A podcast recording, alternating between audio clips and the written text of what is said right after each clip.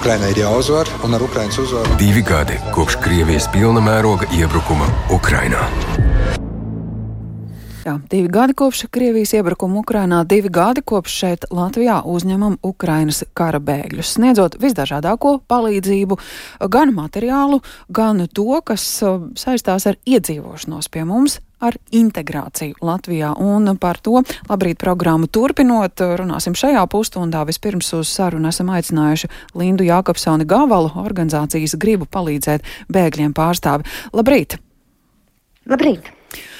Kāda veida palīdzība Ukrainas bēgļiem ir tā, kas ir svarīgāka šobrīd? Nu, šķiet, ka divu gadu laikā tā situācija varētu būt mainījusies. Materiāli vai tomēr kas cits? Jāsaka, ka jāņem vērā galvenais šajā jautājumā ir tas, kurā brīdī cilvēks ir ieradies. Jo bieži vien mēs par šiem diviem gadiem domājam, ka divi gadi ir gājuši uz priekšu, un, un lielākā daļa cilvēku šeit ir bijuši divi gadi. Bet mēs aizmirstam par tiem cilvēkiem, kas joprojām katru dienu Latvijā ierodas.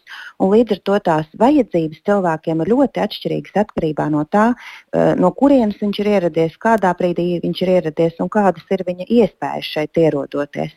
Tāpēc, ka cilvēki ir ļoti dažādi. Ir ļoti daudz, kā mēs zinām, sievietes ar bērniem, taču vienlaikus ir arī, piemēram, ļoti daudz cilvēku, kas ir vecāki gadagājumi, cilvēki ar invaliditāti, bet arī ļoti daudz cilvēku, kuriem ir bijusi sava uzņēmēja darbība un kuri viņi, piemēram, labprāt šeit turpinātu. Cilvēki ir ārkārtīgi dažādi. Un atkarībā no tā, arī ir tās nepieciešamības. Jāsaka, mēs sistēmiskā līmenī esam ļoti daudz sakārtojuši ar primāro palīdzību, ar to saprotot izmitināšanu, pirmo ēdināšanu, pirmo higiēnas palīdzību un tā tālāk apģērbs, apavi. Mēs esam izveidojuši ļoti labu sistēmu, kādā veidā cilvēki var arī mēģināt visas šīs lietas uh, atrast. Taču tā lieta, pie kuras mums tagad ir jāstrādā vairāk, ir tieši šie integrācijas jautājumi, par kuriem jūs jautājāt. Tie, kas saistās ar nodarbinātību, ar izglītību, ar latviešu valodu un arī ar iesaisti Latvijas kopienās. Tad, nu, pēc kārtas uz to visu raugoties, ar ko jums šķiet no nevalstiskā sektora puses raugoties, mums Latvijā veicas labi, ar ko savukārt slikti, kas ir tieši čēršļi, kas jāpārvar? Man liekas, ka mums divu gadu laikā tiešām sistēmiski ir izdevies sakārtot šo pirmo uzņemšanu cilvēkiem.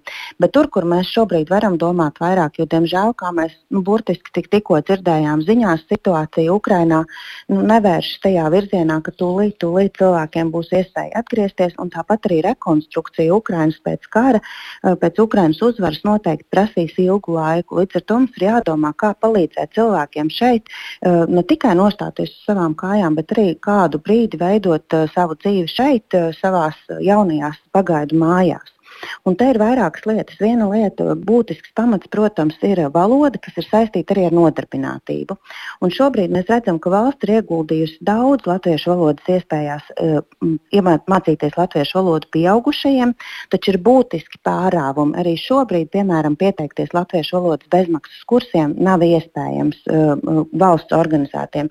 Ir atsevišķi piemēram no nevalstiskā sektora, taču tie nav sistēmiski.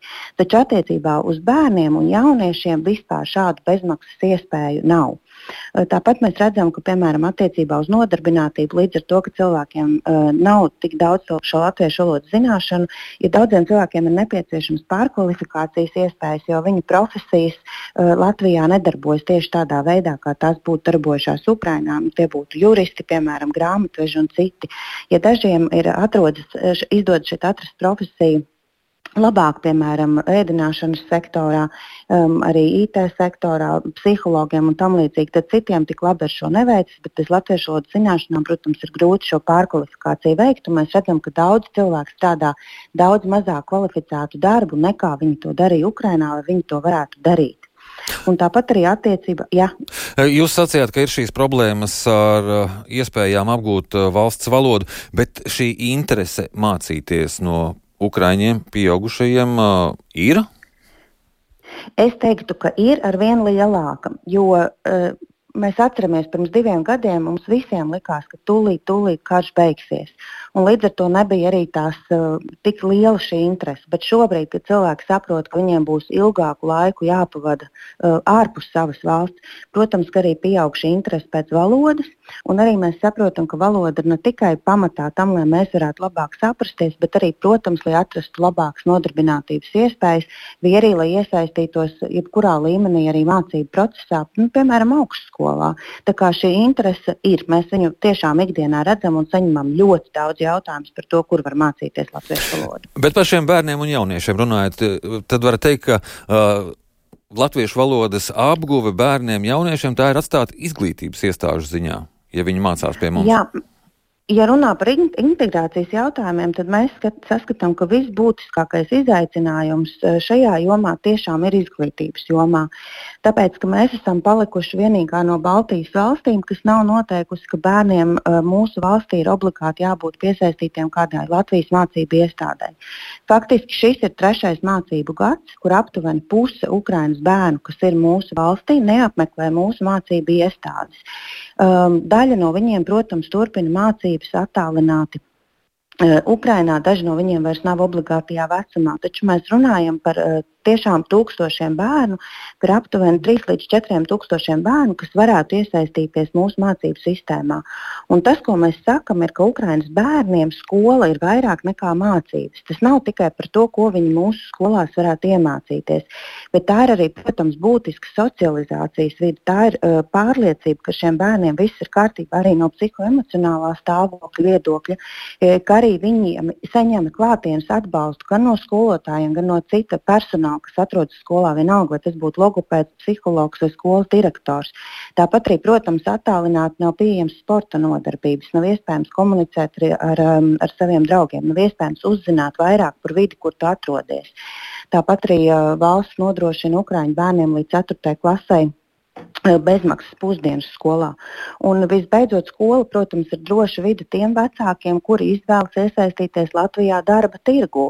Ja bērns ir eh, skolā, tad vecāks var būt pārliecināts, ka viņš var droši iet uz darbu, ka ar viņa bērnu viss būs kārtībā. Kā mēs, eh, mēs ļoti esam gandrīti, ka mēs dzirdam pēdējās tieši dienās no Izglītības un zinātnes ministrijas, ka ir šī virzība domāt par to, kā vairāk iesaistīt Ukraiņas bērnus Latvijas mācību iestādēs nu, vismaz no nākamā mācību gada. Taču jāsaka, mums ir jāveic šajā pusgadā līdz 1. septembrim ļoti liels darbs, lai palīdzētu bērniem labāk iesaistīties Latvijas, uh, Latvijas skolās. Arī tur ir zināmi izaicinājumi. Neuzliekot tādējādi Ukrāņu bērniem dubultu slodzi, jo nu, nav noslēpums, ka viņi nevis sēž mājās, bet tā tālināti mācās Ukrāņu skolās ļoti daudz. Jā, par šo ir padomājusi jāsaka Ukraiņas valdība, un jau zināmu laiku ir pieejams tā teikt īsāki mācību kursi, 6 līdz 8 mācību stundas, dažā atkarībā no bērna vecuma, kurā apgūt tos priekšmetus, ko Latvijā, protams, nevar apgūt. Ukraiņu valodu, ukraiņu literatūru, ukraiņas vēsturi un tā tālāk. Ne, respektīvi, bērniem neuzliekot slogu divas reizes mācīties, nu, piemēram, matemātiku, vai ķīmiju, vai fiziku, vai kādu citu priekšmetu, ko var apgūt gan Latvijā, gan Ukrajinā. Tā kā jāsaka, šie risinājumi jau ir pieejami. Jā, liels paldies jums par šo sarunu. Atgādinu, ka mēs sazinājāmies ar organizācijas Gribu palīdzēt bēgļiem pārstāvi Lindu Jakobsoni Gavali. Ir 7,20 minūtes. Un šo tēmu turpināsim sarunājoties ar Sabiedrības integrācijas fonda sekretariāta direktori Zaigu Pūci. Labrīt! Labrīt! Zinot, kā arī jūsu institūcijas uzmanības lomā ir atbalsts Ukrainas civiliedzīvotājiem, tiem, kas šeit Latviju ir izvēlējušies par patvērumu zemi, To skaitu runājot par integrāciju ekonomiskajā, sociālajā vidē, to skaitu turpinot šo sarunu par bērniem. Jā, tas patiesi ir izskanējis pēc, pēc pagājušās nedēļas sanāksmes Prāgā, kā arī mūsu izglītības un zinātnes ministrija skatās uz to, ka nostāja ir jāmaina un Ukraiņu bērniem nu, obligāti jāpieprasa mācīties pie mums klātienē. Kā jūs vērtējat tādu pavērsienu?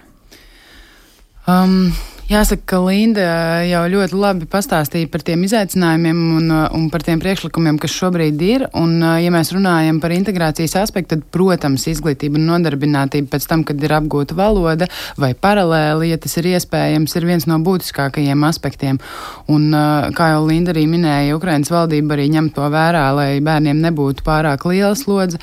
Nu, mēs arī saskatām, ka tas būtu ļoti, ļoti būtiski, ka šī izglītība būtu nodrošināta. Viens aspekts ir paši bērni bērni, kuri, nu, mēs, diemžēl, visi ceram, vai saka, ceram, ka karš beigsies ātri, bet, diemžēl, nezinām, vai tas tā būs. Un, un nu, bērni tomēr turpina augt un, un dzīvot šeit un iejusties, un tas būtu ļoti labi, ja viņi, ja viņi ietu skolā ar visiem šiem te vecuma posmam saistītiem izaicinājumiem, ko jau uh, Linda iepriekš minēja. Un otrs aspekts, protams, ir arī šis nodarbinātības aspekts, kur mēs redzam šobrīd, ka salīdzinājumā ar kaimiņu valstīm šiem te uh, ukraiņiem, kas Latvijā ir nonākuši, uh, nodarbinātība kopumā ir zemākā līmenī nekā kaimiņos, uh, tā skaitā Polija ieskaitot, un uh, nu, mēs šobrīd runājam gan ar darba devējiem, gan arī ar nodarbinātības valsts aģentūru par šiem iemesliem, kas tad tas varētu būt, un kā viens no tiem, ko mēs kā pirmo esam diagnosticējuši, ir tas, ka, ja m, nu, lielākā daļa no Ukrainas civiliedzīvotājiem, kas ir Latvijā, ir sievietes un bērni atrodas mājās, uh, viņi nav izglītības iestādē, tad visticamāk arī ir ļoti grūti atrast darbu. Un arī šajā aspektā tas noteikti palīdzētu, ja būtu šis obligātais skolas apmeklējums un, un bērni varētu uh, būt pa dienu skolā, kā jau Linda minēja, tas atvieglot vecākiem noteikti arī šo te izdevumus, tāpēc, ka skola nodrošina ēdināšanu līdz noteiktam vecumam un vienlaikus arī integrācijas process pilnīgi noteikti notiktu kvalitatīvāk. Mhm. Bet no, tas, kas arī tikko izskanēja, ka nodarbinātība tas tikpat cieši ir saistīts arī ar valsts valodas zināšanām un ka tā iespēja mācīties uh, latviešu valodu nav pietiekama atbilstīgi tam, ko, ko Ukraiņi vēlētos. Kādēļ, ko te var līdzēt? Uh, nu, divi aspekti. Viens, ko es gribu atgādināt, ka Attiecībā uz Ukraiņas civiliedzīvotājiem šobrīd ir likuma izņēmums, ka viņi var arī būt nodarbināti tad, ja viņiem nav atbilstošā līmenī uh, valodas zināšanas, ja tāda iespēja pastāv. Uh, bet es, protams, visur aicinu gan Ukraiņas civiliedzīvotājus, gan uh, NVO, kas ar viņiem strādā, tomēr minēt, ka šī valodas apgūšana ir ļoti būtiska. Mēs arī redzam, ka tiešām tas pieprasījums ir pieaudzis un, un interesi par valodas apguvi ir lielāka. Tas, kas ir šobrīd šobrīd, nu, kā jau saka, nu, varbūt sistēmiska problēma, par ko es arī vairāk kārt esmu runājis, tas, ka mums valstī nav izveidota vienota valodas apgūšanas sistēma, un nu, te mēs redzam arī tās sekas, ka Ukrainas civiliedzīvotājiem tiek piešķirts uh, valodas apmācībai budžets no atsevišķas programmas, kas beidzās gada beigās, un attiecīgi ir nepieciešams laiks, kamēr uh, no jauna tiek piešķirts finansējums un visas birokrātiskās procedūras, lai, lai šo te nokārtot. Ja mums būtu valstī sakārtot valodas apgūšanas sistēma ikvienam cilvēkam, kuram tā ir nepieciešama, un tas jau būtu paredzēts uh, valsts pamat budžetā, šāda pārāvuma nenotiktu. Bet, nu, Ukrainas uh, situācija ir ārkārtas situācija. Divi gadi nav bijis pietiekams laiks, nu, lai elastīgāk uz uh, šo jautājumu skatītos uh, ar jūsu fonda projektu iespējamo finansējumu? Projektu kontekstā mēs uh, esam izveidojuši uh, tādu sistēmu, ka NVO var pieteikties, nu, tā, tā var teikt, uh, visa gada periodā, vai, teiksim, tā mums nav ierobežojums uz šo te gadu noslēgumu. Protams, ja tie ir uh, budžeta līdzekļi, kas ir uh, līdzekļi neparedzētiem gadījumiem, tad, diemžēl, tur ir nosacījums, ka tas beidzas decembrī, bet uh, tiešām es gribu izmantot to iespēju pateikt, ka NVO dara ļoti lielu darbu, tas finansējums, kas arī NVO ir piešķirts, uh, arī ir pietiekami liels, lai viņi varētu eh, gan uz robežas sniegt palīdzību, gan eh, šos te kultūra orientācijas kursus nodrošināt, kas ietver um, valodas klubus, dažne dažādas, nu, ja tā var teikt, aktivitātes, kur cilvēki var iepazīt Latvijas kultūru un dabu un tā tālāk. Šajā aspektā mēs tiešām strādājam un tur to pārāvumu tā nevar just, bet, nu, atkal atgriežoties pie tās valodas, jaunu valodu mācoties, ir nepieciešams šis secīgums. Un, un ja viens līmenis tiek pabeigts, bet nākamo, uz nākamo ir jāgaida trīs mēneši, protams, NVO var aizpildīt šīs te e, vietas, bet e, nu, ir kaut kādi, nu, ja tā var teikt, tādi mazi pilieni, kas sakrājās. Nav tā izglītība varbūt bērniem, līdz ar to viņi nevar apgūt latviešu valodu. Uh, ir pārāvums valodas zināšanās, nav varbūt vieta, kur cilvēks var strādāt. Un, ja tas sakrīt, nu, tā teikt, vie, vienam cilvēkam, tad, uh, nu, tad, diemžēl, tas rezultāts varbūt nav tik labs, kā gaidīts. Bet, un, ja nebūtu nevalstiskās organizācijas un to paveiktais darbs, tad kur mēs būtu? Uh, es gribētu teikt, ka mēs droši vien pirmkārt nebūtu demokrātiska valsts, jo demokrātiskā valstī bez pilsoniskām. Nu, nu šajā jautājumā es tieši domāju. Um, Nav tādas valsts šobrīd ne Eiropā, nekur citur, kur uh, pilsoniskais sektors nebūtu iesaistījies šī jautājuma risinājumā, uh, un uh, tas ir arī tas iemesls, kāpēc valsts atbalsta NVO, tāpēc, ka NVO privilēģija ir tā, ka viņi ir fleksiblāki, viņi ir ātrāki, viņi ir tuvāk cilvēkam, viņi vienmēr var ātrāk reaģēt un piefiksēt tās jomas, kurās ir nepieciešams atbalsts. Līdz ar to es teiktu, ka mēs tādu situāciju, ka NVO nebūtu iesaistīti, pat nepieļaujam. Bet nu, par jūsu projektiem, par, par jūsu to piedāvājumu, kas uh, Ukraiņiem šeit pie mums Latvijā ir uh, visnoderīgākais bijis, kas ir vispieprasītākais? Nu, protams, latviešu lodas kursi viennozīmīgi, te ir arī jāpiekrīt uh, Lindai, kas iepriekš runāja, ka tās vajadzības uh, ir mainījušās tiem cilvēkiem, kas ilgstošāk jau valstī atrodas. Ja sākumā tiešām tas bija mājokļa atrašana, uh, valoda, darbs, tad šobrīd tie jau ir tādi ikdienišķāki jautājumi, vai tas ir par pabalstiem, vai tas ir par ģimenes ārstu, vai tas ir pat par laulību nokārtošanu. Dažni dažādi tie jautājumi ir. Um, tas ar to es gribu teikt, ka joprojām informācija informatīvais tālrunis, ko mēs nodrošinām, ir ļoti pieprasīts un aktuāls. Mēs esam izveidojuši arī šo te nu, jau gandrīz gadu viens pieturas aģentūra, kur visiem trešvalstniekiem, tā izskaitā Ukrainas civiliedzīvotājiem, sniedzam atbalstu. Sociālais mentors, eh, sociālais darbinieks ir eh, labs atspējas eh, ģimenēm, kurām ir nepieciešamība un varbūt vajadzīgs lielāks atbalsts. Um, nu, jā, tāpat tās pārtikas un higienas pakas, kas um, līdz Ukrainas karam pienācās maznodrošinātiem, bet sākoties Ukrainas karam, tad tika izveidota sistēma, ka arī šeit Ukrainas civiliedzīvotāji iedzīvotāji var dabūt uh, šīs pārtikas un higiēnas pakas, kas, protams, atvieglo viņu budžetu un vispār situāciju uh, pārvācoties jaunā valstī bez nekā. Naudas visām šīm vajadzībām ir pietiekami?